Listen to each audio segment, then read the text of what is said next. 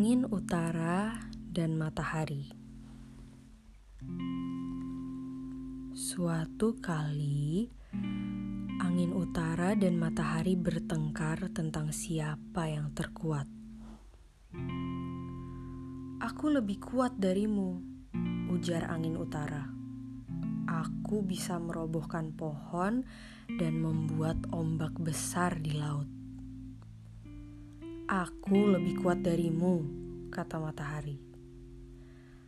Aku bisa membuat bunga mekar dan mengubah ladang gandum dari hijau menjadi kuning. Begitulah mereka terus bertengkar selama berhari-hari.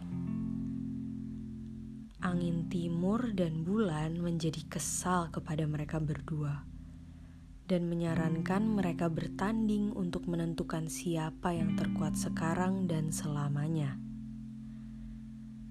Seorang laki-laki sedang berjalan dan dia memakai mantel besar. Siapa di antara kalian yang pertama-tama bisa membuat laki-laki itu melepaskan mantelnya adalah yang terkuat, ujar bulan. Dan angin timur berkata, setelah itu, jangan bertengkar lagi ya. Angin utara dan matahari setuju untuk bertanding. Angin utara memulai lebih dulu. Dia berusaha meniupkan angin yang terdingin.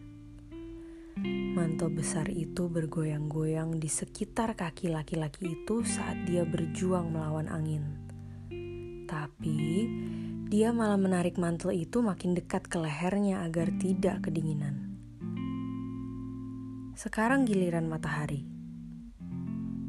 Dia naik tinggi ke angkasa dan menyinari laki-laki yang bermantel besar.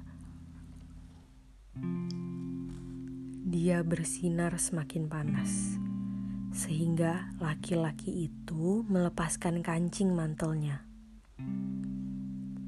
Matahari terus menyinari. Akhirnya laki-laki itu melepaskan mantelnya. Keringat mengucur dari wajahnya. Matahari menang. Angin utara bertiup dengan marah, tapi dia tidak berani melanjutkan pertengkarannya dengan matahari. Jadi sekarang, bila angin utara bertiup sangat kencang, kamu harus ingat bahwa dia masih sangat marah. thank you